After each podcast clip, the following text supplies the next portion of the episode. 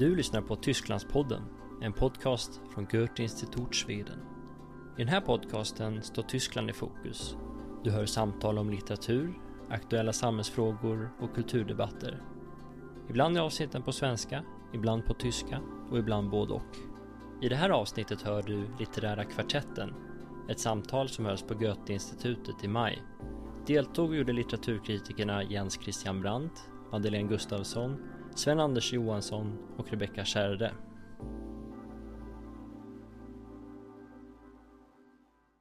På programmet ikväll står två av förra årets mest kritikerrosade romaner. Det är danskan eh, Asta Olivia Nornhoff, här då med pengar på fickan. Sen har vi norrmannen Jon Fosse med det andra namnet. Och sist ut är den ryska författaren Maria Stepanova, Minnen av minnet.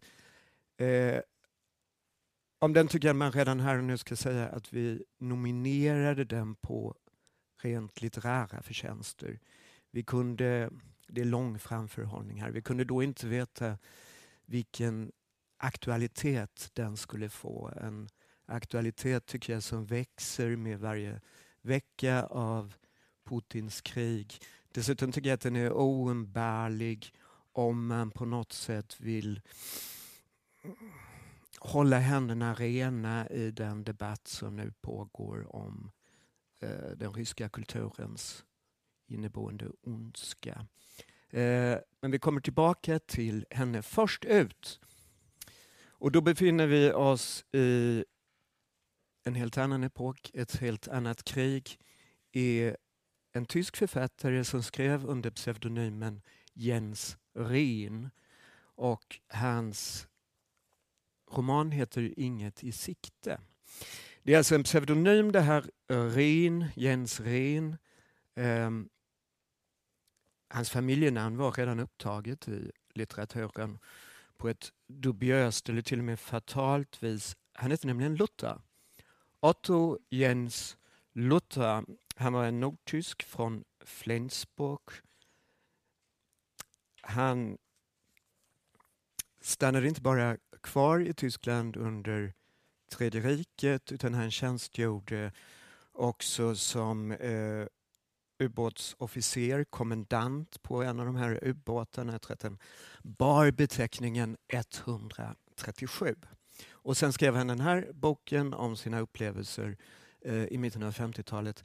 Bortglömd klassiker skulle man kunna kalla den, men den är så genuint bortglömd att jag måste tillstå att jag aldrig hade hört talas om den tidigare. En bok som däremot nästan alla känner till är Tre män i en båt av Jerome K. Jerome. Jag tror att en bra tolkning av den här boken är att det är ett senkommet postapokalyptiskt svar på Tre män i en båt. I den boken är det fortfarande förkrigstid. Det är ett idylliskt England. Det finns eh, tid för excentriska män i tweed och med piprök och eh, olika misshälligheter som de råkar ut för där de stakar sig runt på en liten sömnig flod. I den här boken är det när handlingen sätter in sommaren 1943 mitt ute på Atlanten har en avgörande drabbning ägt rum. Amerikanskt stridsflyg har angripit en tysk ubåt. Förstörelsen eller förödelsen är total. Kvar finns bara två överlevande en eh, amerikansk stridspilot som konsekvent kallas för den enarmade och en tysk marinsoldat som heter den andre. Det är en, det är en stramt, på ytan i alla fall, stramt genomförd berättelse där eh, tidens, rummets och handlingens enhet respekteras. De driver runt där i en flotte helt enkelt. De eh, de är redan vänner den här handlingen sätter in i en mycket manligt kodad gemenskap delar de den proviant de har, av eh, cigaretter, whisky, tuggummi. Också den typen av eh, kolahaltig choklad som arméerna som någon slags doping försåg sina soldater med. Det är, det är ödsligt där ute på Atlanten. De tänker till en början, vi måste bli upptäckta. Någon kommer att hitta oss här och så småningom rädda oss. Eh, det hoppet flyr så småningom. Och den här boken skulle vara väldigt monoton om det inte vore så att handlingen hela tiden bröts av ideliga eh, tillbakablickar på livet före kriget. Jag skulle säga att det inte är en krigsroman utan den utspelar snarare i någon slags efteråt. En katastrof av dignitet har ägt rum. Världen, civilisationen som vi känner den, har gått under och kvar finns då bara de här liksom minnesfragmenten av hur den där världen såg ut. Och de är inte särskilt betydande. Det är inga stora ögonblick eh, som vi får återuppleva här utan det är, det är väldigt flyktiga, intetsägande episoder. Jag tycker att eh, behållningen med den här boken är att den är skriven i någon slags valstakt. Det är som att apokalypsen tar två steg framåt och sen tar farsen ett steg tillbaka och det finns en, en fantastiskt välkalibrerad balans här mellan nattsvart apokalyps och en, en i mina ögon förtjusande, väldigt förförisk, dansant cynism. Eh, med tre män i en båt så tror jag också att det finns en tredje man här. Men han är frånvarande, eller han har redan lämnat farkosten och det är såklart Gud. Och alla dessa saker förhandlas liksom här en sista gång. Tjänade religionen något till? Tjänade filosofin något till? Vad, vad, blev det av oss? Här sitter vi i en ubåt. Eller vad säger ni andra? Är detta en för generös läsning av någonting som är ett divertimento? Mm. Mm. Alltså, jag, jag, går på en, en av de sakerna du säger som jag både håller med, som jag förstår varför du tar till det begreppet, men jag vill ändå ifrågasätta det lite. Och det här mm. talet om det apokalyptiska eller postapokalyptiska. För i, i, den bemärkelse som du beskriver så är det sant. Det liksom efter kriget och så vidare, eller det är under kriget egentligen. Men det som, det som på, det, den här boken handlar om det är egentligen ett döende under hela boken. De, man vet nästan från början att de kommer att dö, eller man inser ganska fort att det är döden som håller på här.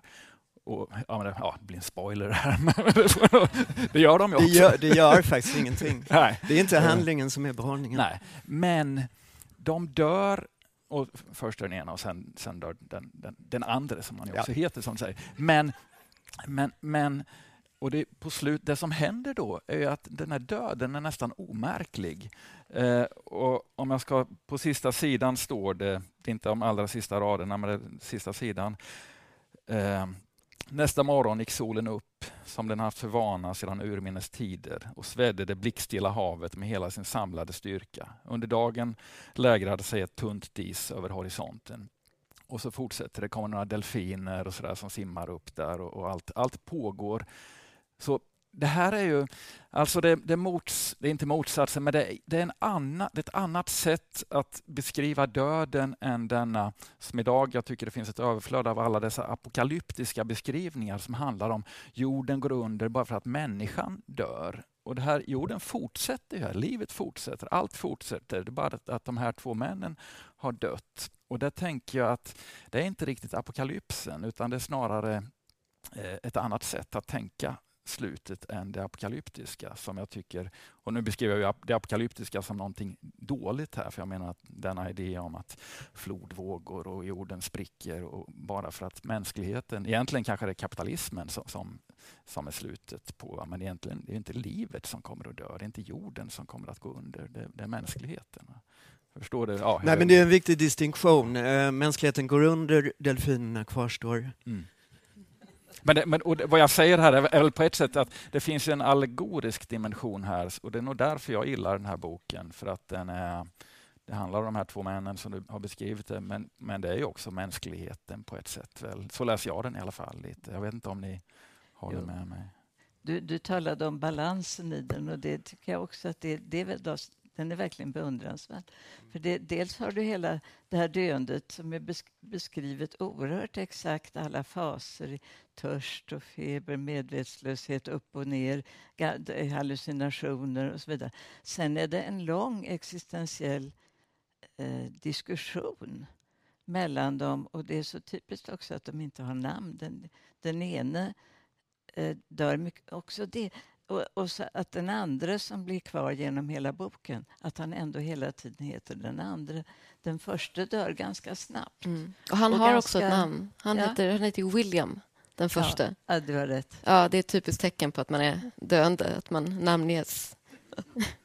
Men han dör ändå ganska snabbt och ganska trotsigt medan den andra fortsätter att diskutera och gå igenom i början så har de, de är redan klara med nationalitet betyder ingenting. Pengar betyder ingenting. Eh, den, och han som dör först säger också att det här att rädda mänskligheten, äsch, det var bara trams. Men då opponerar sig den andra. Sen fortsätter den andra sin diskussion om vad som gör det värt att, att leva. Och hans död blir ju också mycket mildare än den förres. På något sätt. Han, jag, jag får bara inskjuta där att det stämmer, nu har vi redan spoilat hela handlingen. Ja, det stämmer att den enarmade dör först, men den andra är inte av med honom för det, utan det finns också ett farsartat inslag. Först sitter han med som döing i den här flotten tills han börjar lukta på ett sätt som inte riktigt motsvarar förväntningarna. Och, eh, och sen, sen tippas han i vattnet, men där kommer han hela tiden tillbaka som någon slags sängkammarfars. Där kommer det där liket. Och sen, sen finns någon slags vision av att han har klättrat upp i båten och sitter där igen.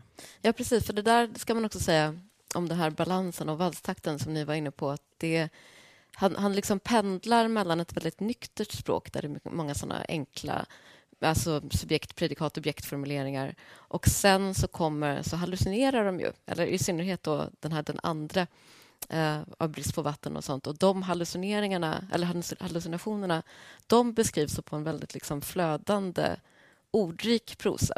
Och det kanske är nästan omärkligt, eller det går liksom väldigt, väldigt långsamt och sen så plötsligt så sprätter det till liksom, och så går texten in i ett helt annat läge. Och då till exempel då kan den här den enarmade plötsligt har klättrat upp i båten igen och sitter där och kommer med olika näsvisa tips. Men skulle det inte kunna... En läsmöjlighet, tänker jag. För det är också så att på slutet där så sitter de och talar med varandra igen och även en del kvinnor som kommer från deras tidigare liv är med där också i någon slags samtal. Va? Men när du säger att, han, att det är hallucinationer, jag menar, en möjlighet är, är det för de glider också ihop de här två identiteterna till sist. Det kanske bara är en person i båten som talar med sig själv. Att allt från början är ett slags eh, hallucinerande med där, där eh, den enarmade talar med den andra. Som, ja, det, kan, jag vet inte. det är kanske att pressa det, men, men det, den möjligheten finns nästan där. Eller med den som du nämnde som den tredje, ja. men som aldrig svarar och antagligen inte heller Eh, Eh, enligt författaren finns, men som finns som ett slags instans för den ene, den andra eller båda i ett. Det finns ett ställe där den här andra har pratat länge om eh, gudsbegrepp och om pengar och om allt mellan himmel och jord. Och så sitter jag här och pratar alldeles ensam och så säger han hur som helst måste han tala, för när han talade till sig själv var det ändå mer, mer än enbart en tanke. I samma stund kopplades ett lindrande mellanrum in.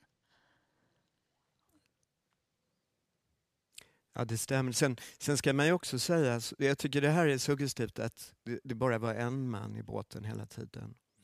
Men den är ju också eh, intressant för att den boken tycks liksom fallen helt ur tiden. Den är skriven på 50-talet i Tyskland, alltså vid en tid när Heinrich Böll redan var stor och Grass förberedde kanske bläcktrumman.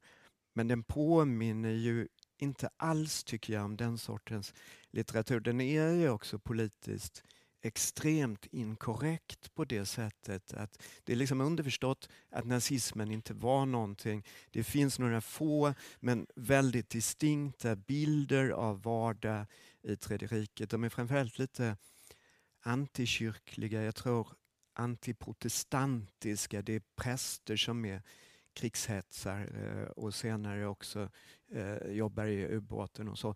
Eh, men trots allt det så pågår ju här någon slags kulturkrig mellan det gamla Europa förkroppsligat av Tyskland och USA. Och det är en helt ojämlik kamp där Tyskland är högkultur och allt det fina och allt som är värt att bevara. Och USA är ju liksom rena skämtet. De, de är karikatyrer, den här den, den enarmades svärfar då och eh, Mm. Den enarmade har ju en fästmö som är enbent.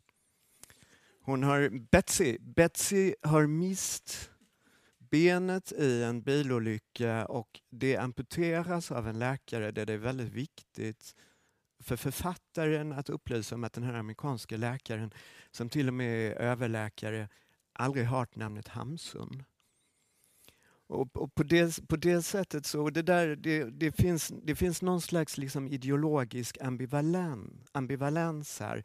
Att um, det råder, det råder liksom ingen tvek, tvekan om vad nazismen eller Tredje riket var, men den amerikanska kulturimperialismen ska vi akta oss för. Men samtidigt, mm. jag, jag, jag håller inte med, för jag tycker att det är en otroligt amerikansk bok.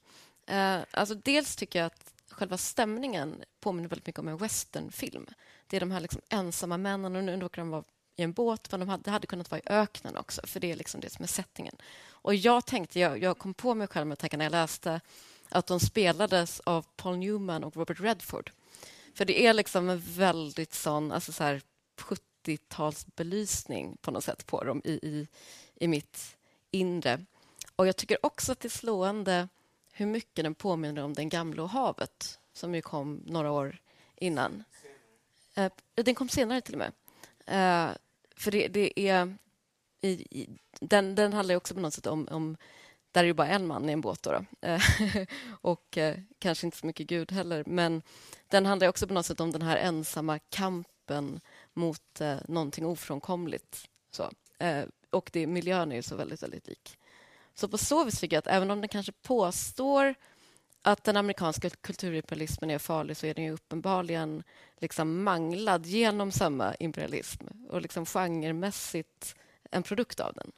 Eller förstår ni vad jag menar? Ja, Nej, men jag håller verkligen med, men det är en del av ambivalensen, ungefär som Nabokovs Lolita, att den, den, den, är, den är fascinerad av den amerikanska kulturen, men den amerikanska kulturen måste också göras ner. Men jag, det är väldigt amerikanskt men samtidigt är det liksom en, en väldigt lyckad hybrid med någon slags tysk tradition. Alltså, eh, mm, poeten Gottfried Benn levde fortfarande när den kom ut i Tyskland och var otroligt imponerad av den. Och det var han säkert för att den på sätt och vis är en hyllning till honom och hans sätt att skriva. Eh, så det är, det är väldigt, men det är också skärmen, det är ett så begränsat format och det ryms så himla mycket här. Det, det är redan efterkrigstids mm, kulturellt och hur den är skriven och USA och samtidigt någon slags kärleksförklaring också till Weimar. Det är också det är frågan om den är en roman. Är den ett teaterstycke? Är den ett revynummer? Är det en kuplett av Karl Gerhard? Det, det, det är så mycket, Så fantastiskt hybridformat. Ja, och då, då, släpper vi den. Men jag vill, också, jag vill avrunda med att påpeka något som jag tycker är väldigt viktigt och särskilt att säga i, eh, i den här byggnaden. Det är en tycker jag, fantastisk översättning av eh, Per Holmer. Jag tycker att det är sällan man ser den kvaliteten på svenska. Översättning måste på något sätt ju handla om att plocka isär ett verk och bygga upp det på nytt. Och jag tycker att det är så kongenialt här och det gör också att den är en behållning på svenska. Men nu släpper vi honom. Ja, och då är det alltså Pengar på fickan av eh, Asta Olivia Nordenhoff. Dansk författare, eh, ganska ung Hon föddes 1988 i Köpenhamn. Eh, debuterade redan 2011 med en bok som heter Ett ansikte till Emily. En väldigt fragmentarisk, svårbestämbar bok. Och så gav hon ut en diktsamling två år senare som heter Den nemme och det ensomme. Så det, här är hennes tredje bok då, bara, eh, som kom 2010, 2020 på, på, på danska. Eh, och trots att hon har skrivit bara tre, inte så stora böcker, så, så är hon ju ett av de absolut största namnen i den unga danska litteraturen. Eh, och jag tror att det, det som utmärkte henne framförallt de två, när hon, de två första böckerna var kanske inte så mycket böckerna i sig utan mer att hon representerade en ny författartyp lite grann. Som väldigt mycket var mycket handlar om att vara, ha en, en, ny nära relation med sina läsare. Hon var väldigt aktiv på sociala medier och, så där, och skrev litterärt på Facebook och så vidare. Så att hon lämnade den här idén om den distanserade författaren och den autonoma boken. och så där, Men då kanske den här romanen då är kanske på ett sätt en, eller det är, det, det är en ny riktning i författarskapet. Det, också för att det här då är då den första delen i en annonserad sju boksserie, eller septologi eller vad heter det? Ja, eh, som då har rubriken eh, Scandinavian Star.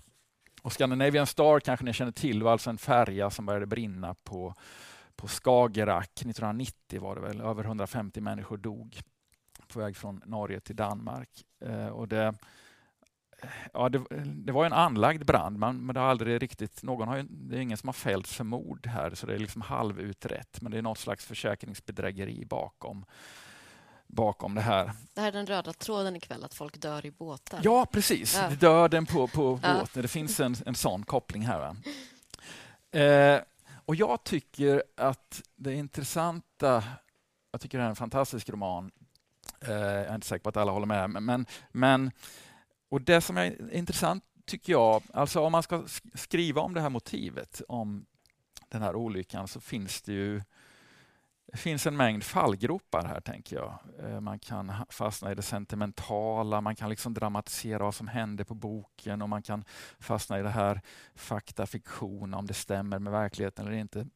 Men hon, hon, och frågan är också, vad, vad kan litteraturen tillföra här? Alltså det finns ju reportage skrivna om detta som liksom skriver om och då försöker bena upp sanningen bakom det här framgångsrikt. Det finns juridiska texter givetvis och så vidare.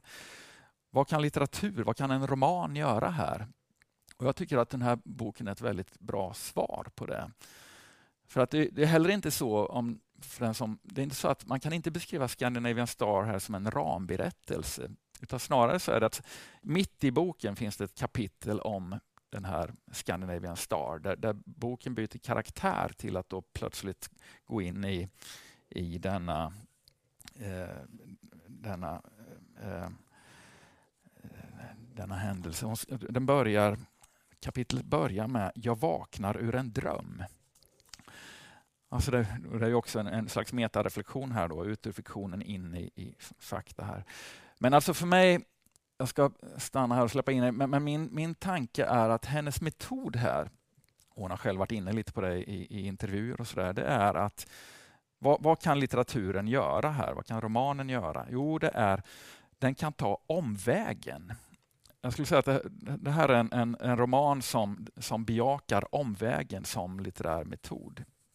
Eh, och, och, då tar den omvägen via detta par, Kurt och Maggie, som, som romanen handlar om. Här. Ett ganska tragiskt par, en trasig relation som, som då vävs kring detta centrum, Scandinavian Star.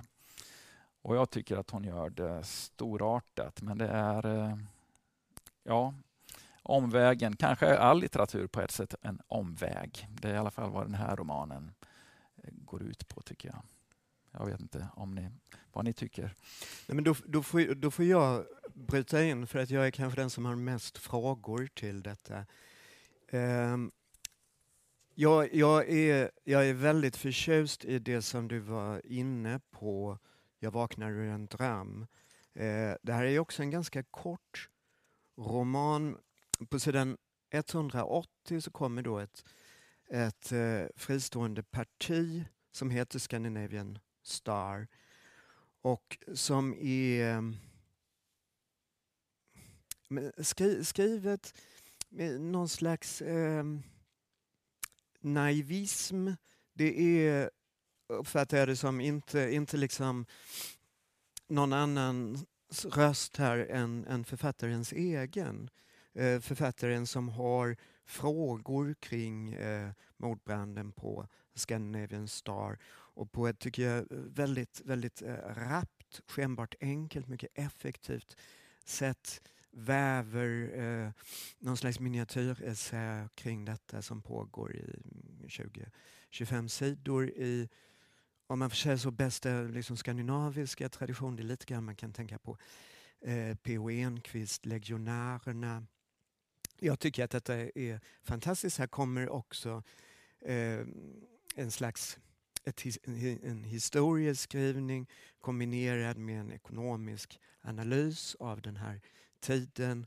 Allt det övertygar mig väldigt mycket. Liksom de kapitel som följer efter det när eh, kronologin bryts upp och vi, vi får ett, ett eh, rappare tempo, ett mer fragmentariskt berättande. Upptakten däremot eh, har jag lite svårt med. Jag tycker att det är, jag tycker att det är en del stilistiska skavanker. Det är intressant det här som du säger att hon har utvecklat sitt författarskap på Facebook. Jag tycker att det är en del skönhetsfläckar här som helt enkelt är ett utslag av att det har gått väldigt snabbt. Det är svajigt bildspråk, det är en väldigt oklar eh, berättarposition. Eh, det är viktigt, ska man också säga, att visst, vi är det så i, i själva Premissen är att författaren åker buss. På den danska landsbygden, ser då ett, ett ansikte, en man, hon kan ha sett honom eller inte, men bestämmer sig för att skriva en roman om det här ansiktet som har eh, svept svett förbi utanför bussrutan. Och sen, sen, sen ska, tycker jag, på ett ganska liksom omständligt sätt en gammaldags fiktion etableras kring detta. Och där jag tycker kanske att det, det är svårt i början att verkligen känna den entusiasmen. Ja, det är jättesvårt med den i början. Ja, jag tyckte den var flimrig och ofokuserad. Ja, den är ofokuserad tycker jag, tycker jag också. Och där tycker jag att det är ett problem därför att jag är helt enig med uh, historieskrivningen här. Ganska tidigt i handlingen så sitter den kvinnliga huvudpersonen vid köksbordet och läser tidningen. Och där är nyckelordet Thatcher. Och på något sätt så handlar det ju om det, den typen av politik som tog sin början då och som väl kanske inte har kulminerat riktigt ännu men som vi också kunde se med corona och så vidare. Men det är lite grann på samma sätt som då Jens Rehn eh, har synpunkter på amerikansk kultur men är smittad av detta så är det som att författaren här också lite grann är eh, smittad av Thatcherismen i det att om hon ska vara en effektiv författare har hon kanske inte alltid tid att vara något författare. Som man sa förr i världen om, om, om mycket unga fattar att de var lovande. Själva boken är sån att den eh, upptakten begrep jag mig inte alls på. Sen kom det här partiet som är skrivet på eh, ja, journalistprosa av mer effektiv grävprosa om Scandinavian Star. Och sen tar hon upp... Och sen finns också partier där hon liksom eh, drömmer fram det hon ska berätta. Som, som du sa, det här hon ser ett ansikte och så börjar det leva och så, ja. Och vid andra tillfällen så, ta, så hejdar hon plötsligt eh, någon av gestalterna och säger ja men berätta då för mig så, så att jag förstår. Så att hon är, hon är lite fram och tillbaka in i den och småningom blir den ju mycket mer fokuserad. Då, sen finns det också det här att man vet, det är återigen en spoiler, men man vet ju att detta är den första boken av jag tror det är sex eller sju som hon har tänkt sig. Man vet ungefär, det framgår här och där på ett nästan lite klumpigt sätt vad den ska syfta till. Att om någon vinner så är det på någon annans bekostnad. Det säger hon lite här och där. Så har vi det här partiet med Scandinavian Star. Alltså den, att den har en riktning som så att säga är bestämd på förhand. Det är inte det som övertygar alls. Utan vad, som jag, vad jag tycker är bra i boken det är efter Scandinavian Star-partiet när hon börjar berätta om de här två människorna som hon faktiskt medan man läser också fantiserar fram. Och man förstår, hon vill visa deras liv har brutit sönder av bristen på pengar, av, av också bristen på förståelse för det språk man måste kunna för att klara sig här i världen, av att inte kunna räkna på andra på, på vad är skillnaden mellan ett företag, en försäkringsbolag, hela det där att inte veta hur man ta, att med möda lära sig tala så att man hamnar i rätt ruta hos socialen. Ungefär, alltså det, språket. Och samtidigt så blir det mer och mer allt eftersom deras elände och den enas död närmar sig så blir det oerhört mycket mer fokuserat. Det blir, då blir det verkligen eh, gripande. Så att vad jag har emot den är att man inser från början den här ska någonstans, hon vill, vet vart den vill.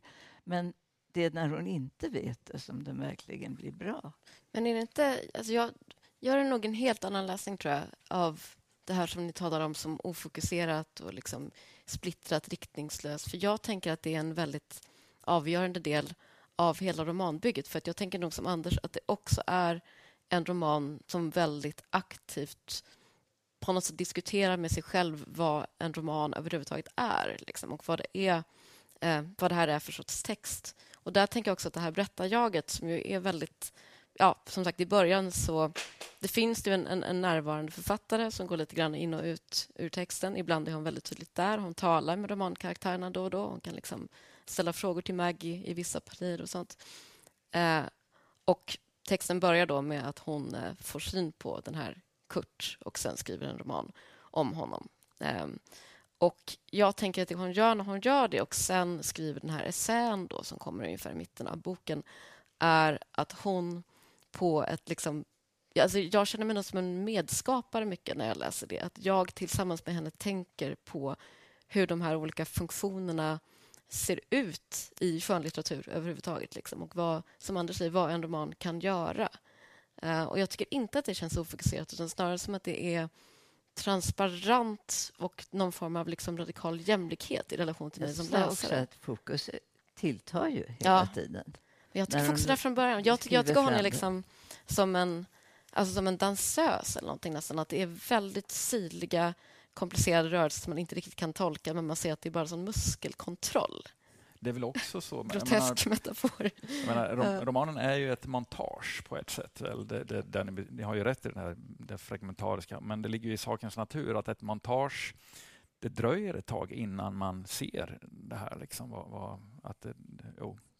Så jag, jag, håller med er, men, men, det är väl bara att min, min värdering är det ni beskriver som en svaghet, tycker jag, om inte en styrka, så en del av, av liksom metoden på något vis. kanske.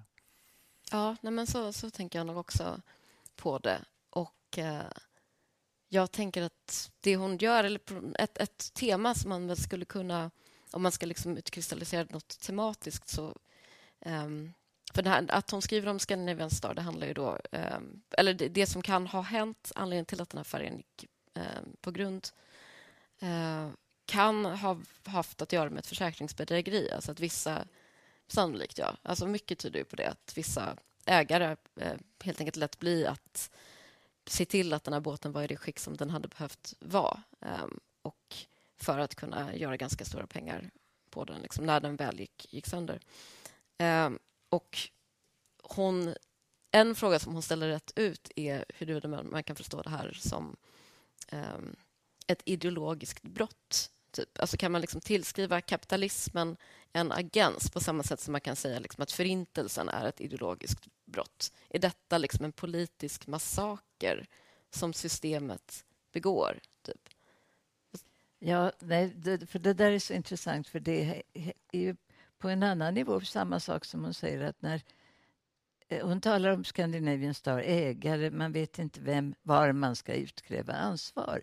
För det är så spritt och det är så komplicerat. Och sen är parallellen i de här människornas liv när de inte heller riktigt kan... De, de vet inte vem de ska skylla på. Det finns ingen ingen tydlig bov i deras liv och samtidigt så är, känner de hela tiden att de på något vis är lurade, någonting har gått fel, någon annan har bestämt över dem men de kan inte heller. Och det, och det, det är en sorts parallell som jag tycker är väldigt snygg. Det är bara vad jag har emot den ibland, att, den är, att hon plötsligt skriver någonting alldeles tydligt om det.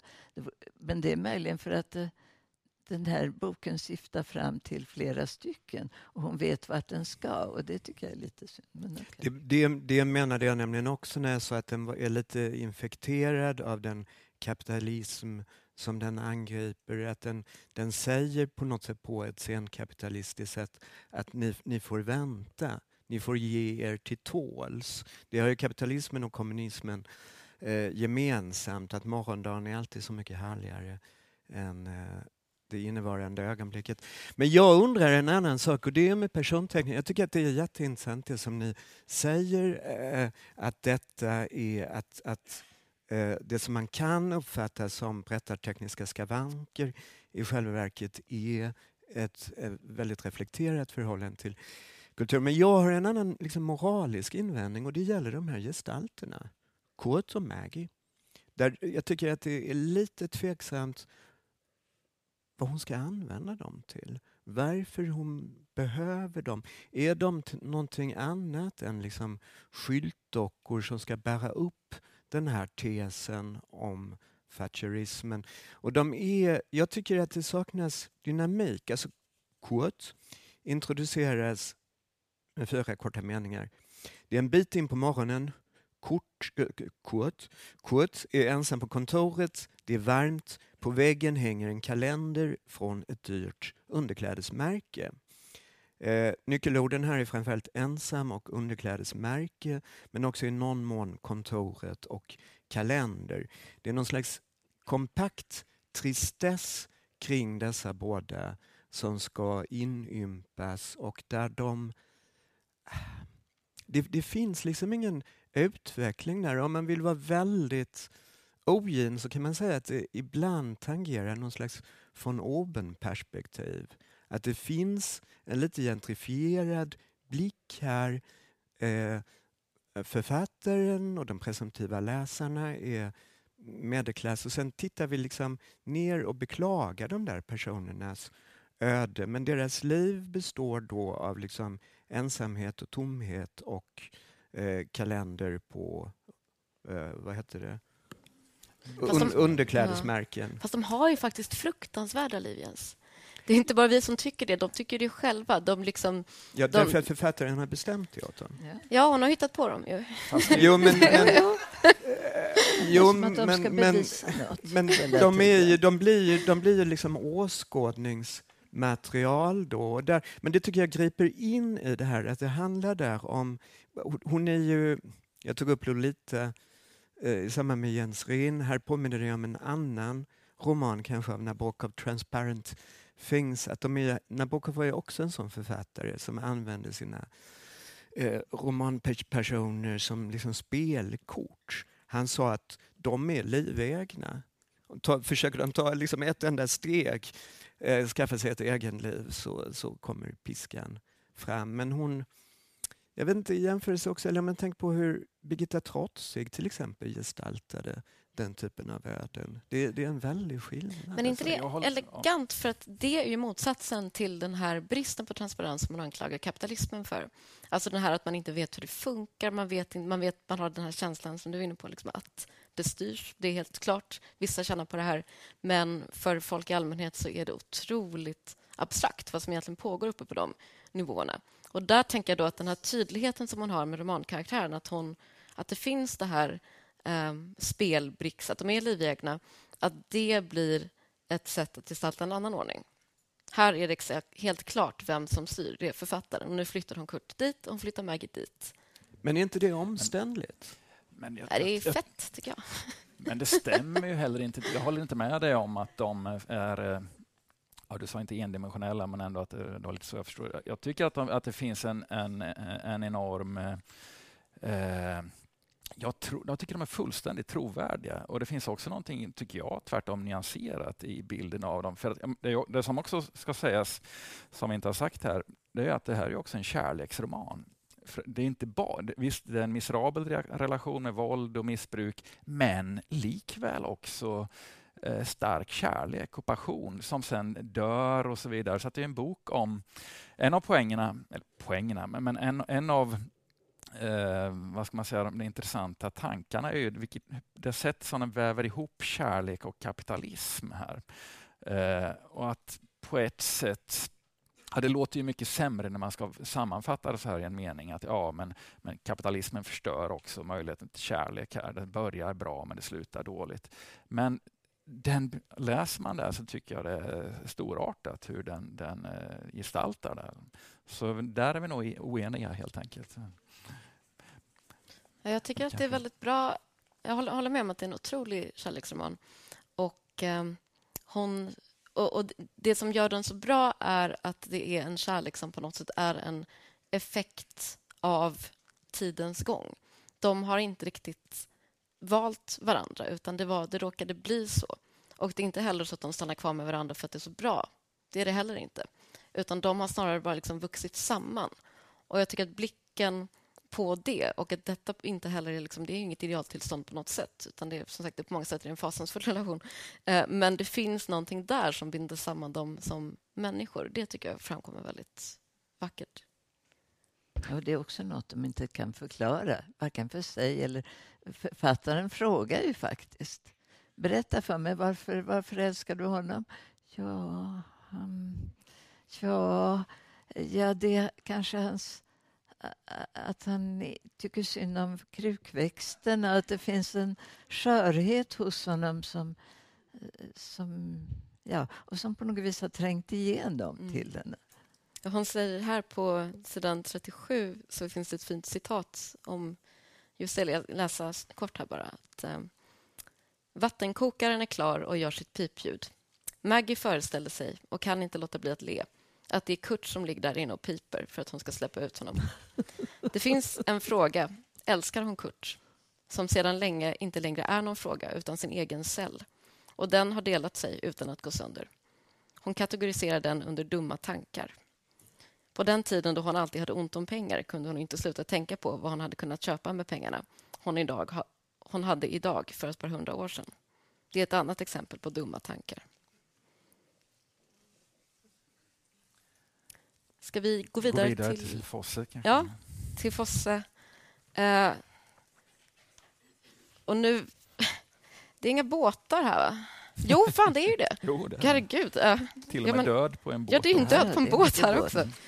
Vad sjukt. Eh, ja, det är en död på en båt och sen så är det också ehm, den här romanen. Precis. Um, det är också en septologi, så, eller, ja, det vill säga en sjudelad romansvit. Eh, och det här är de första två delarna, då, uppenbarligen. Eh, Fosse är då en norsk dramatiker, eh, är han väl mest känd som, tror jag, men också skrev också prosa. Han skrev lyrik, han skrev essäer, eh, född 1959. Och eh, den här romanen, eh, eller de här två romanerna, som egentligen ganska... Jag, jag tycker inte att man tänker på det som två romaner när man läser det, utan man läser det som en enda sammanhållen roman, för de glider ganska snabbt in i varandra. Liksom.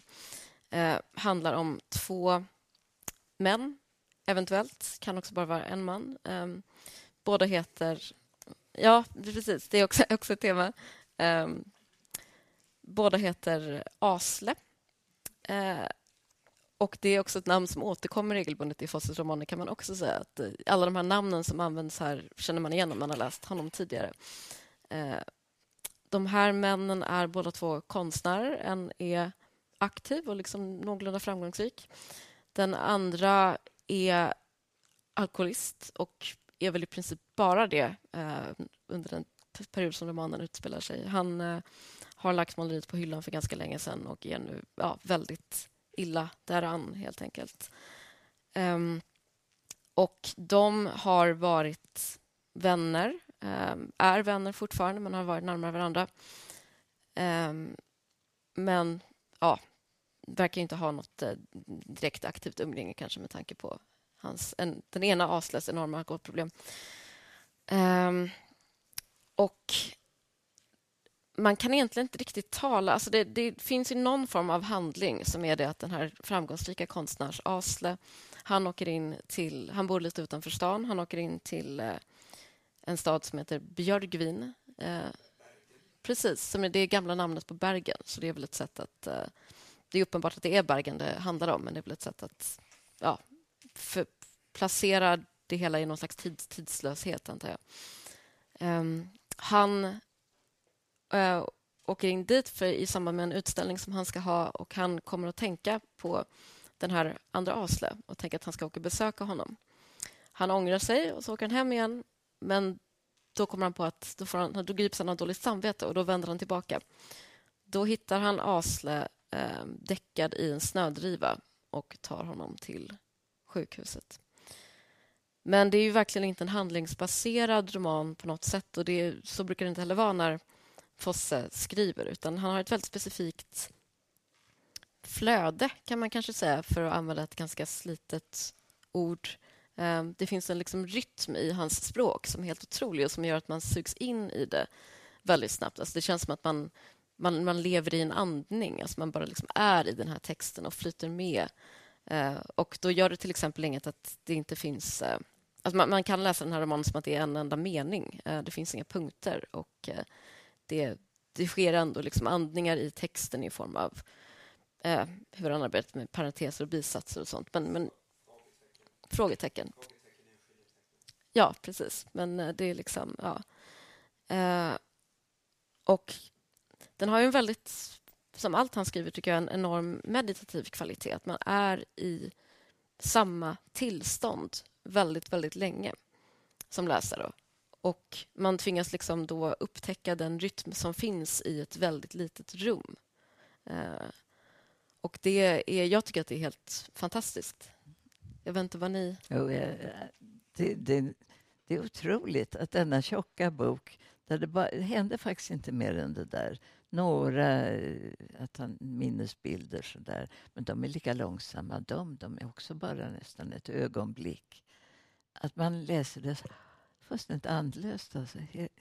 Och, det, och utan punkt, med ett slags...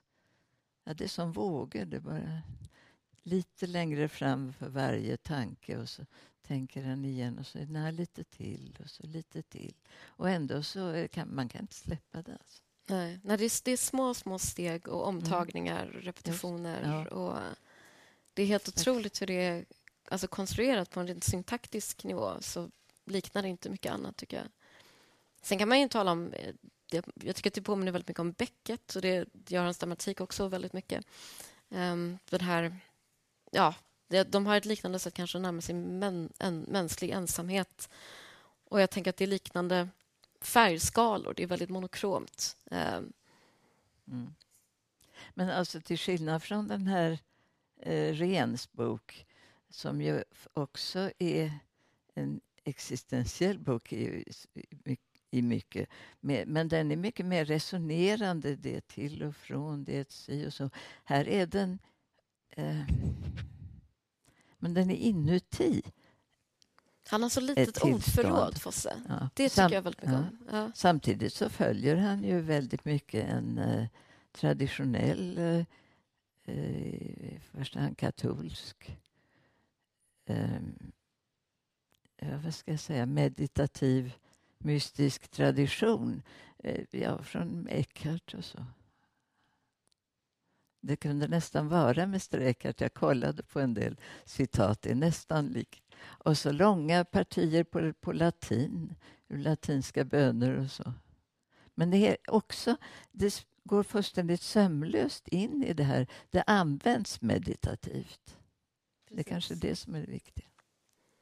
Jag tänkte att jag ska läsa kort bara så att ni får någon Gör sorts känsla. För det är nästan för... omöjligt att beskriva. Precis. Um, här är ett litet stycke där, ja, alltså, som sagt så blir man ju tvungen att hoppa in mitt i meningen eh, eftersom det i princip är en. Ehm, men här, den här konstnärs Asle ehm, står på sin vind och ehm, tänker på sin konst. För det, det, är också en ganska stor del av romanen att han reflekterar över sitt eget målande och över konstens uh, natur och förmåga. Um, så hände det, särskilt när jag liksom inte fick till att måla mera, när det stannade upp. Att jag gick upp på vinden för att se på den bilden som såg lutad mot ryggstödet eller också tog jag fram en av de andra bilderna som står där i vindskrymslet och ställde den mot ryggstödet. Och så har jag en stol stående några meter från stolen med bilden och där sätter jag mig ner. Och så sitter jag och ser och ser på bilden. Ja, jag kan sitta länge. Hur länge, det vet jag inte. Och jag försöker se varför jag egentligen målar bilder. Och jag sitter och faller stilla längre och längre in i det jag ser. I det som är större än livet, kanske. Men det är inte rätta sättet att säga det. För det är, ja, ett slags ljus. Ett slags lysande mörker ett osynligt ljus i de här bilderna som talar tyst ur dem och som talar sant. Och då, när jag har kommit in i den här synen eller i det här sättet att se, då är det inte jag som ser, utan det är någonting som ser genom mig. Liksom. Och Då finner jag alltid ett sätt som jag kan komma vidare på med den här bilden som jag sliter med. Och så är det också med alla bilder målade av andra som jag tycker om. Det är liksom inte målaren som ser. Det är någonting som ser genom målaren. Och detta något blir kvar i bilden och talar tyst ur den. Och Det kan vara ett enda penselstråk som gör att bilden kan tala på det sättet. Och Det går inte att förstå, tänker jag. Och, tänker jag, så är det också med den diktning jag tycker om att läsa. Det är inte det som den säger rätt ut om det ena eller andra som är viktigt. Det är nåt annat, nåt som talar tyst i och bakom meningarna. Men ja, så har det blivit. Ett slags lysande mörker stod det där och så kan man ju sammanfatta hela romanen. Ehm, den utspelas, det tycker jag är viktigt.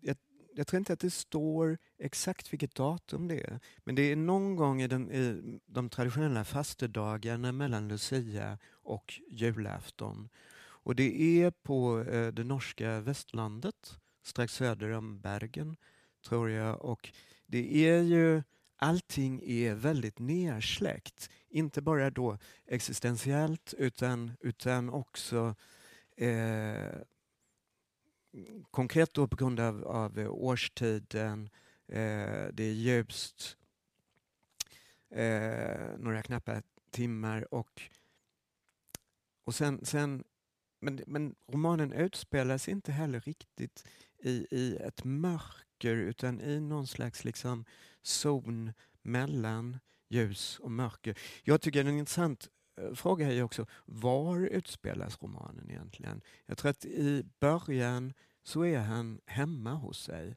Och det är en hel del interiörer, han bor där på landet. Så. Men jag tycker att den egentliga spelplatsen är hans bil.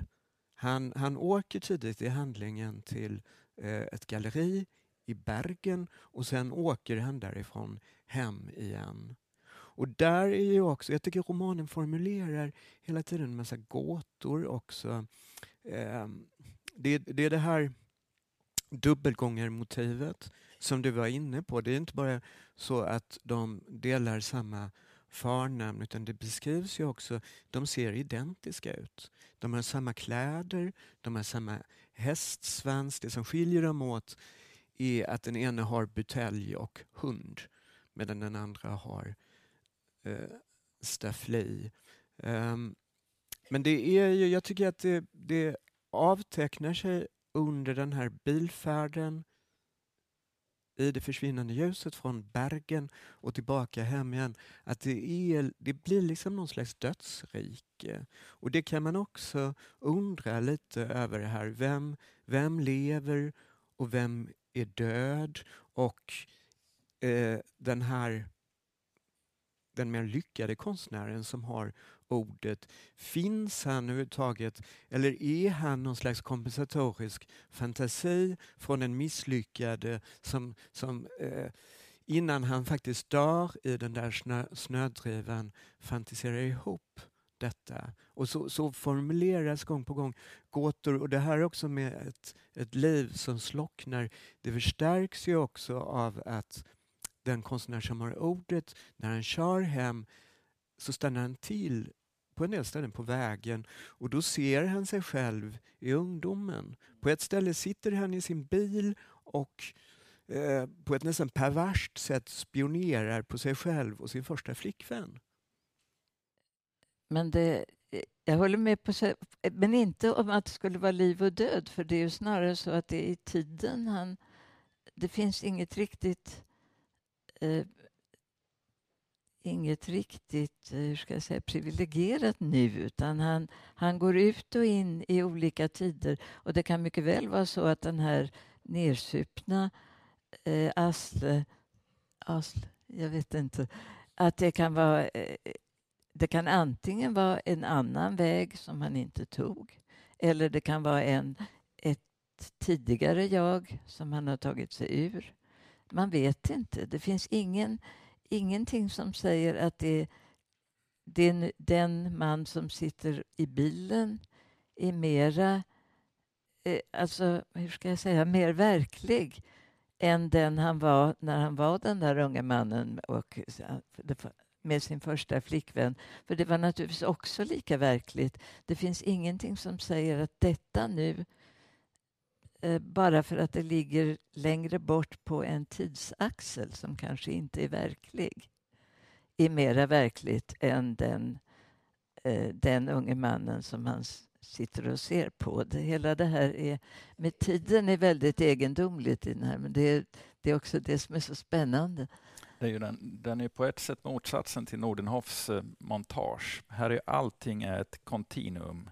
Det finns inga, ja, ni har varit inne på det här med skiljetecknen, inga blankrader, inga nya stycken, inga kapitel. Och personerna glider ihop som att man inte vill, ja, ni har beskrivit det. Och det är även barn, hans barndom. Slutet av boken handlar ju om, om han är barn och så vidare, han går med sin syster och så vidare. Så är det en annan pojke som drunknar just och det, det är liksom nästan, ja, alla de där identiteterna är, det finns inga tydliga gränser. Jag, jag, jag, tycker man kan jämföra med en, en annan norsk författare som har hyllats alla sina tjocka böcker. Knausgård tänker jag på, som, då har, där, som kanske inte är min favorit, men, men just hyllningarna har rätt mycket gått ut på att han, han beskriver verkligheten så bra, och det, dessa minnen. Och, mm, jag menar, man skulle kunna jämföra dem på den punkten där Fosse går in och, alltså det finns en extrem omständlighet i dessa tankar och formuleringar som är eh, på ett sätt är det extremt tråkigt. Liksom, att det, det, kan vara en, ett samtal som pågår, de säger nästan ingenting och det går liksom 70 sidor. De står där. Men det är, ju, det är ändå något hypnotiskt med det här nästan och det är så mycket mer, om man nu ska det är ingen tävling, men det är så mycket bättre än, än Knausgård på den punkten tycker jag. För att det finns en, ja det är ju det, är, det, är ju det här det är, det är, ju, det är ju så här eh, språk och, och eh subjekt fungerar på något vis, tänker jag. Han är otroligt bra på nej, dialog mellan män på landsbygden. Ja. Alltså här, så, folk står och pratar i all evighet om något garage och det är bara mm. liksom, döda ja. fraser som turneras, men det är ju också en språkhandling och han får fram liksom, den kommunikation som ändå äger rum, trots att det på ytan ju inte sägs någonting. Ja. Men jag, jag skulle protestera mot ordet just kontinuum och minne. Båda de sakerna är, är ungefär något som han försöker överskrida genom att i, i, den, här, i den där boken är allting ett, ett nu. Mm. Det är bara det att det är så fruktansvärt svårt att beskriva det utan att få det till att det är nu och det är minnet. tiden rör sig så, det finns ett kontinuum. Men hela det här sättet att skriva är just ett försök att överskrida det och få oss att försöka se det på ett annat sätt. Fast det... ja. Eller att tala om vid ett tillfälle som jag tycker är rätt centralt, att det handlar om att, att se någonting på ett sätt som man inte tidigare har sett det och Det är väl just det man försöker sig på när man målar. Ja, att se någonting som man tidigare har sett på nytt. Att se något som för första gången. Nej, inte bara det, men att man både ser det på nytt och förstår det. Båda sakerna i ett, i ett liksom, tänker jag. Alltså, ja, det, jag tror mm. vi, men det, det där med att se saker på nytt, liksom, det, det, tycker jag är centralt i den här boken. Det är, det är en fantastisk roman om konst, vilket är ju en himla svår genre. Annars tänker man ofta som läsare att om, om författaren introducerar en konstnär som huvudperson så tänker man kan vi inte byta? Kan det inte vara en ambulansförare? Kan det inte vara en mellanchef? På, på Försäkringskassan måste det vara sånt här klubb med penslar och sånt där. Eh, men här är det, det är också en sån fantastisk hyllning till färgerna. Det är så, det är så, det är så eh, otroligt spännande att följa. Det, det är som på något sätt nästan som om vi andra som läser detta, som om vi alla var blinda. Och så är det en seende person som beskriver för oss vad färg är. Och det, det blir också så sprakande i detta decembermörker där allting är nersläckt. Och det, det, den är liksom explosion då av eh, sinnlighet. Och det, det är också, tycker jag, fantastiska resonemang från barndomen och framåt. Alltså detta när, han, när det upptäcks i skolan också att han är genuint bra på att teckna. Och det är en väldigt intressant estetik uh, som förs fram där, där ju föga förvånande då den lyckade teckningen är den misslyckade. Och det, det, och, men, och det är inte så originellt men det är ändå himla bra och himla suggestivt. Han har ett underbart resonemang om det där. Han mm. vill ju inte veta av de där tidiga Nej. som alla För... älskade. Och just det som de tyckte om är det han inte vill veta av. För han sa när det, man målar av något som är vackert och då blir det för vackert. Det måste vara fulare, det måste finnas ett mörker i. För annars, alltså hela, det är ett långt resonemang. Det, vad, vad, vad, tänker ni om religionen då? Någon, för någonstans, all, allt det som vi har pratat om hittills infogas ju sen i en ganska traditionell kristendom eller mer konkret katolicismen. Ja, alldeles uppenbart.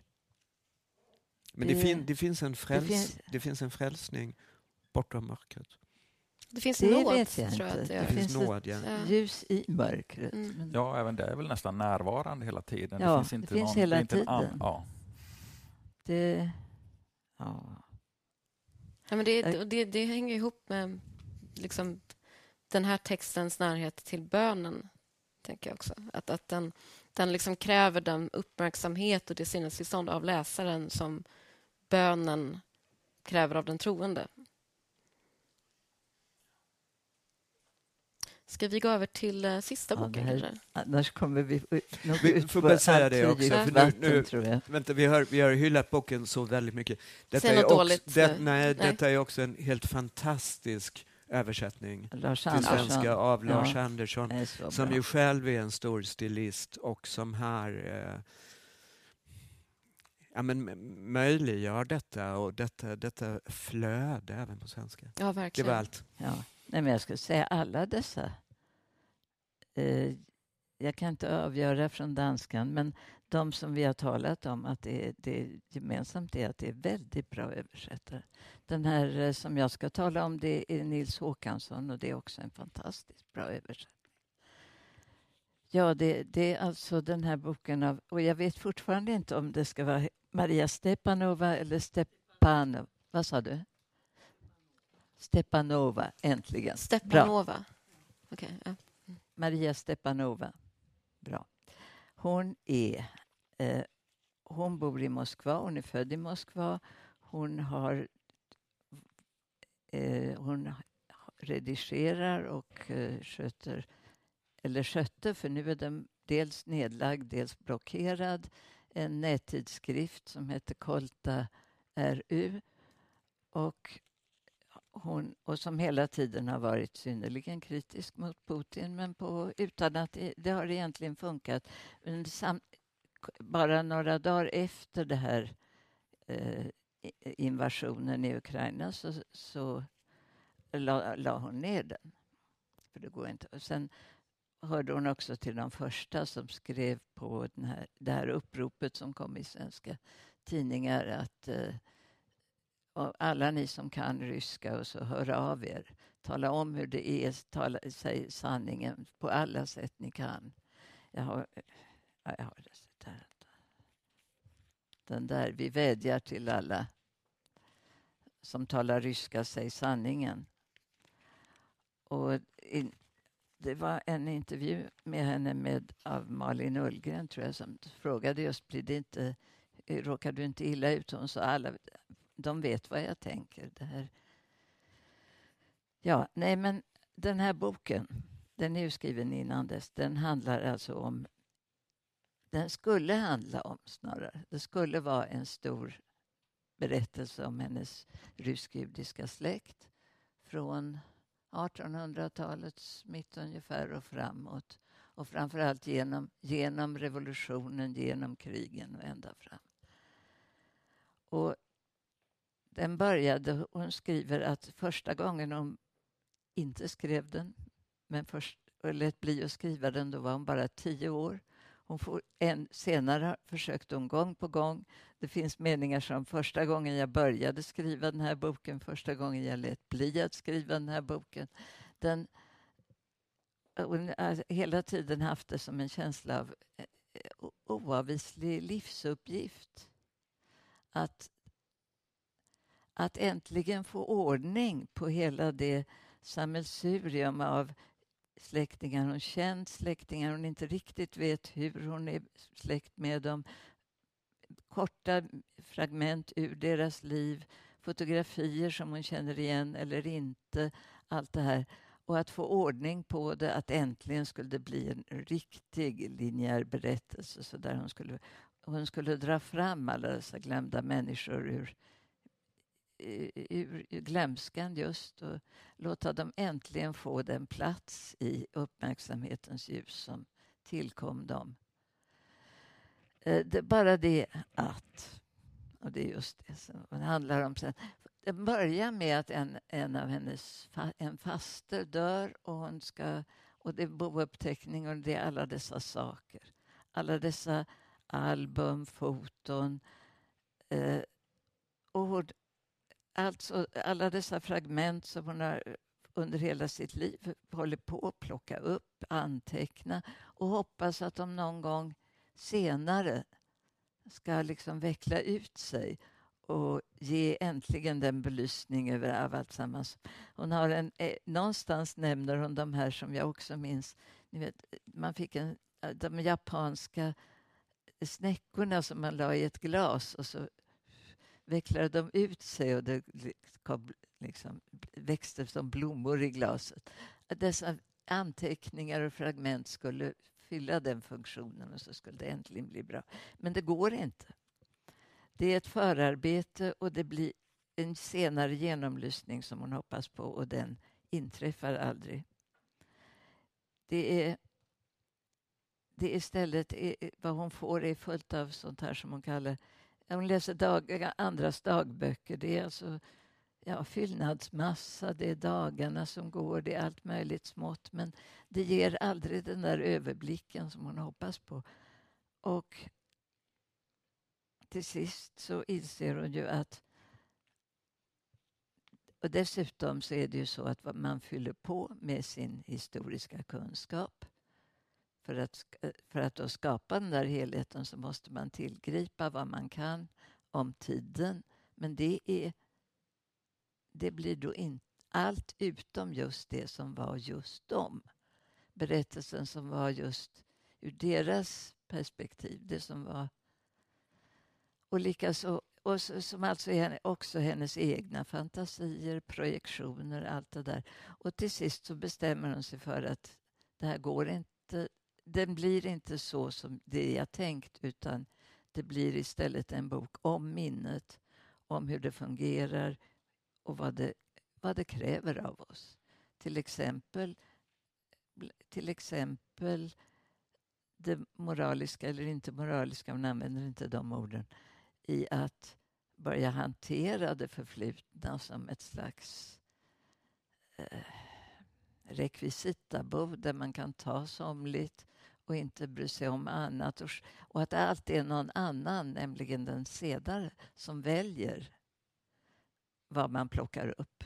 Men, inte, men då hela tiden någon annan och inte den som var med om det, som såg det från sitt håll och som var det i det.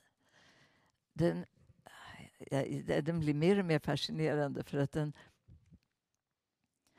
eh, när de övergår till att skriva om minnet så är, använder hon ju fortfarande alla de, dessa fragment, dessa fotografier, dessa eh, sånt som hon har forskat fram. Så att med tiden så blir det också den bok om hennes släkt som hon inte kan skriva. Det blir den i alla fall så långt det nu går. Och samtidigt så blir det förgrenar den sig mer och mer och blir till en essäsamling. Först om minnet, hur det fungerar, om vårt, vårt, eh, vår hållning till minnet, eh, allt det här eh, frenetiska bevarandet, samlandet. Eh, ja, jag ska inte gå in på det, för det, det är så mycket som man kan säga. Eh, också, sen blir det också essäer om andra, för man läser ju mer och mer när det växer. Och, ja, hon skriver om, om eh, det, eh, Marianne Hirsch, hennes begrepp om post. Memory.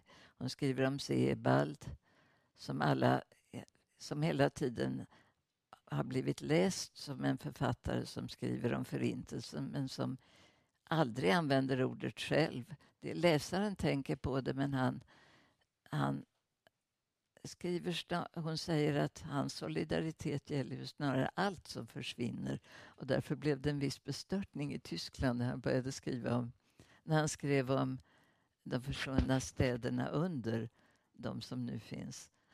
Eh, hon skriver om Mandelstam och Tsvetajeva, deras, eh, deras gräl där Mandelstam ville eh, acceptera det nya och, så, och hon som i stolt förakt eh, tyckte, eh, avvisade det och som predikaren säger dock såg jag att det gick den ena som den andra. Eh, hon skriver om hon skriver fantastiskt om antisemitismen i dess mer eh, lite löjeväckande 1800-tals eh, kostym och senare i den mycket mera outtalade och mycket farligare. Hon skriver om... Ah, hon skriver om det, det är kanske ett av de svåraste sakerna hon stöter på när hon vill skriva om släkten. Det verkar som om de alla hade försökt gömma sig eller i alla fall leva ytterligt obemärkta liv.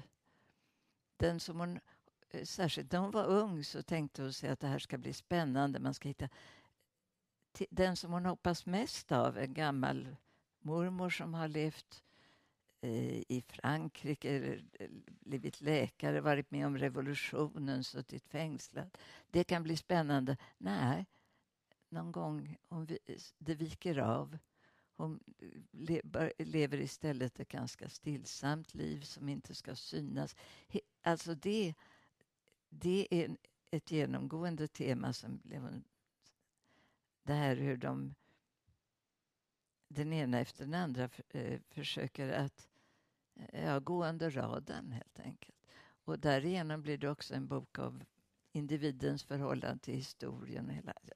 Jag, jag, jag, tror jag ska släppa in er för det här. Det finns ingen, den är omöjlig att sammanfatta, den bara vidgas. Jo, jag ska ändå citera en grej, för det är tidigt i början. Så kom, och då fattar man inte vad det handlar om, men det, det här på omslaget. Du har den, där. Se, de, alla de här små porslinsfigurerna som vid sekelskiftet var de är massproducerade och de var så billiga att man använde dem och brukade använda dem som fyllnadsmassa vid förpackningar och sånt. Så att det som finns kvar är ofta trasiga och utan huvud eller utan fötter och sånt. När hon köpte en sån och så kom hon på plötsligt kunde boken handla om allt. Om att ingen berättelse kommer till oss som ett helt. Att den alltid har sina försvunna fötter och avskavda ansikten om att luckorna och tomrummen är överlevnadens ständige följeslagare, dess dolda motor, den mekanism som driver allting framåt. Om att bara skadan förvandlar oss från massvara till oefterhärmliga vi. Det är det där sista, att det är det, det är det som gör en individ till en individ. Det är det som samtidigt gör den lite avskavd och kantstött. Men det är intressant där, som du var inne på också, att eh, skadan är ju inte så himla stor. Um, det, det, det, jag har... eh, till exempel så är det ju till, hon är ju lite besviken inledningsvis av det här skälet som du nämner, att släktingarna inte är så himla... De är inte spännande. Nej, de är inte intressanta. Det finns liksom inga uppenbara såna skrönor som man kan nysta i. Och, alltså jag, jag tycker att det här, det här är motsatsen till liksom Alex Schulmans böcker om sin släkt, där det är såna här kända färgstarka människor med passionerade kärlekshistorier. Det, det här är verkligen... uh, den boken skriver sig själv på något sätt, men här är det att inte... Historien är liksom... De döda är genomgående väldigt bråkiga de döda låter sig liksom inte inordnas i hennes föreställningar om dem. Och Det tycker jag är ett otroligt intressant sätt att behandla eh, det förflutna. För det är som att det eh, li lite grann... Ehm, eh, det, det liksom fortsätter tränga sig på i hennes arbete. De har en sån agens, de här släktingarna, fastän hon inte vet särskilt mycket om dem. Eh, och den, den agensen består typ i hur de drar sig undan hennes försök att kunna säga någonting som känns sant och eh, korrekt om vilka de egentligen var, hur de levde. Hon har också dåligt samvete för att hon hela tiden vill och försöker men det här att de kan ju inte försvara sig. Nej, precis. De är rättslösa. Ja. Det finns ju någon, det är väl vad du säger, men en, en poäng som på ett sätt kanske är trivial men, är, men samtidigt omvälvande tänker jag att, att, historien är alltid individuell. Hon, eh, hon skriver på ett... Alltså historien är vad folk har för känslor, tankar och triviala, storslagna händelser. Hon skriver på ett ställe, det, det är ett brev som någon har skrivit om alla dessa släktingar. Åh, mamma är en klippa. När hon dör kommer allt hon känt och levt att försvinna. Det kommer inte att finnas en själ som vet något om det. Och så är det ju givetvis, men det är ju det är någonting som är omvälvande med den tanken. Och jag tänker på eh, Jacques Derrida, den franske filosofen, har varit inne på det. Han skriver i en, i en essä, och nu är det engelsk översättning här. Every time it dies, it dies det skriver han i avsikt här, att, att när det dör, när det dös, it's the end of, uh, of the world, not of a world, but of the world, of the whole of the world, of the infinite opening of the world. And this is the case for every living being, from the tree to the protozoa, from the mosquito to the human. Eh, alltså när, när, när individen dör, eller en mygga dör, så är det egentligen hela världen som, som går under på ett sätt. Uh, för att den, den, det finns en, en, öppenhet som försvinner där. Och det, för mig är det vad den här boken handlar om på ett sätt och vad som uttrycks storartat gång på gång på något vis. Liksom hur, jo, världen går under varje gång här va, på något sätt. Och, och hennes projekt är då det omöjliga att, att teckna ner detta. På det, på det sättet påminner hon ju ändå väldigt mycket om Sibbalt. Ja. För där, där är det ju också så. Jag tycker att det där är lite mystiskt också. Hos, med Sibbalt, Sibbalt som då slår igenom på 90-talet.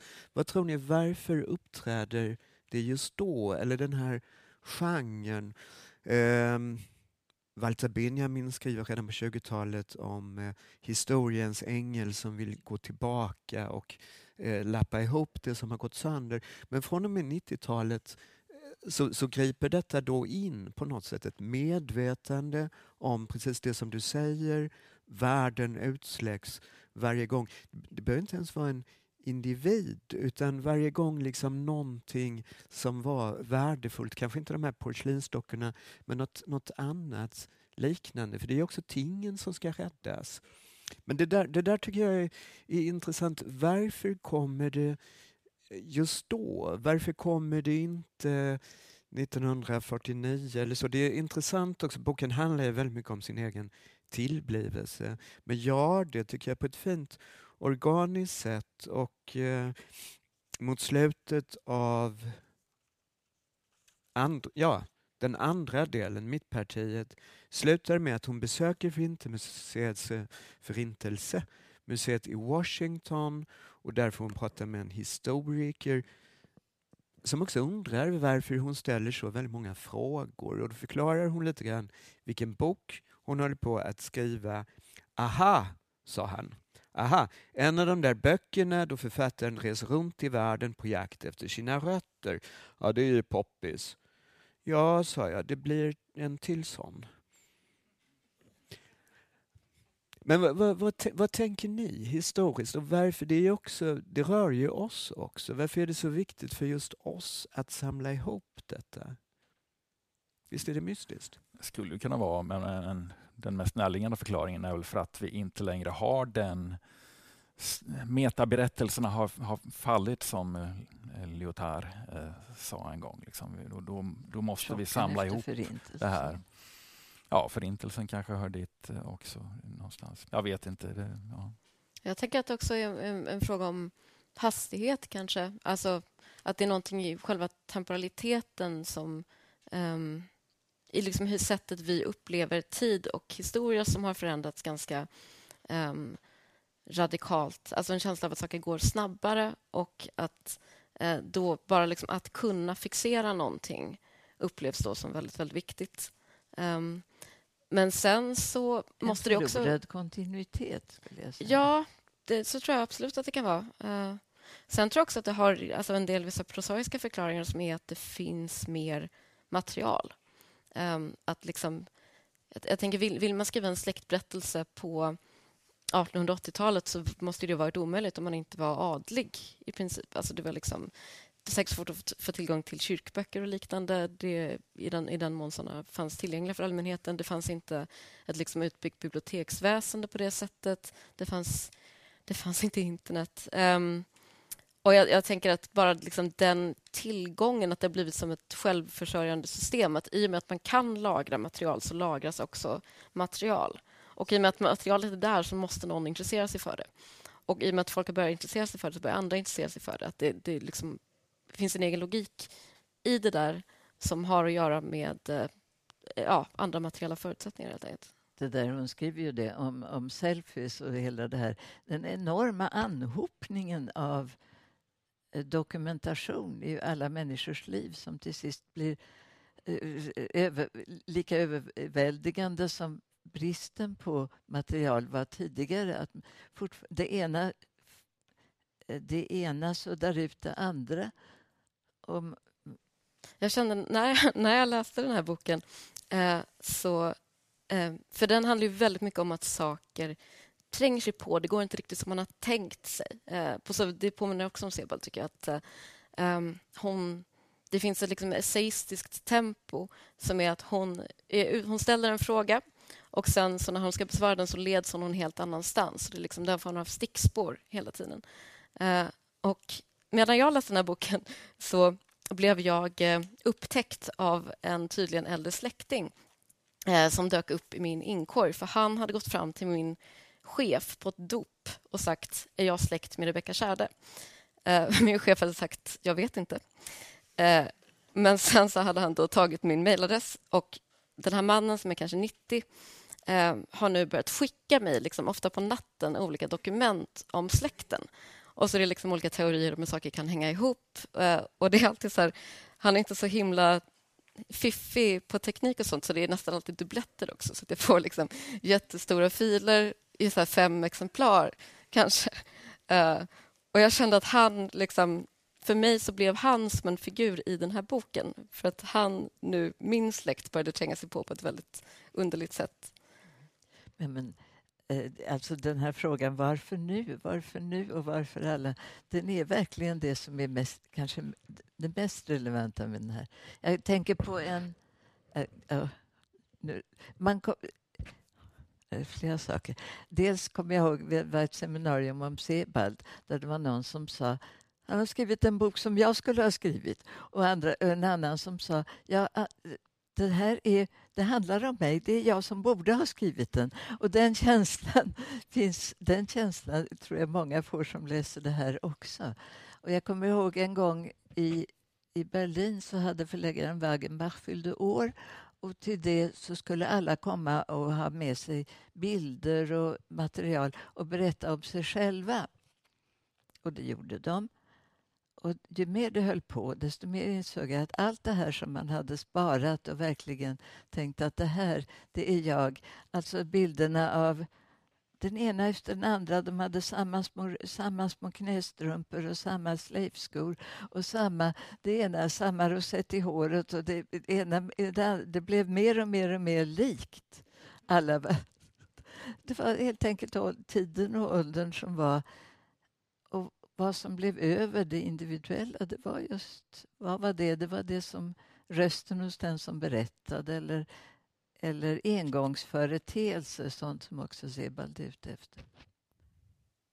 Vi måste så småningom börja avrunda. Jag tycker också att man om den här boken kan säga att den, liksom egentligen de andra, det, vi försökte tidigare eingangs säga att eh, den röda tråden kanske är män som dör i båtar. Jag tror snarare att det är montage eller collage som är den röda tråden och som alla dessa böcker har gemensamt. Och alla erövrar en väldig liksom frihet och rymd i vad som kan tas upp. Eh, alla handlar också om minnet på sätt och vis. Ja, och, och blir ju då också någon slags, i positiv mening, vitriner där allt möjligt ligger utställt. Jag, nu bläddrar jag här på måfå, jag hade, jag hade glömt det, men Tove Jansson och Filip Jonkan infogas också organiskt här och är granne med Mandelstam eller någon pogrom.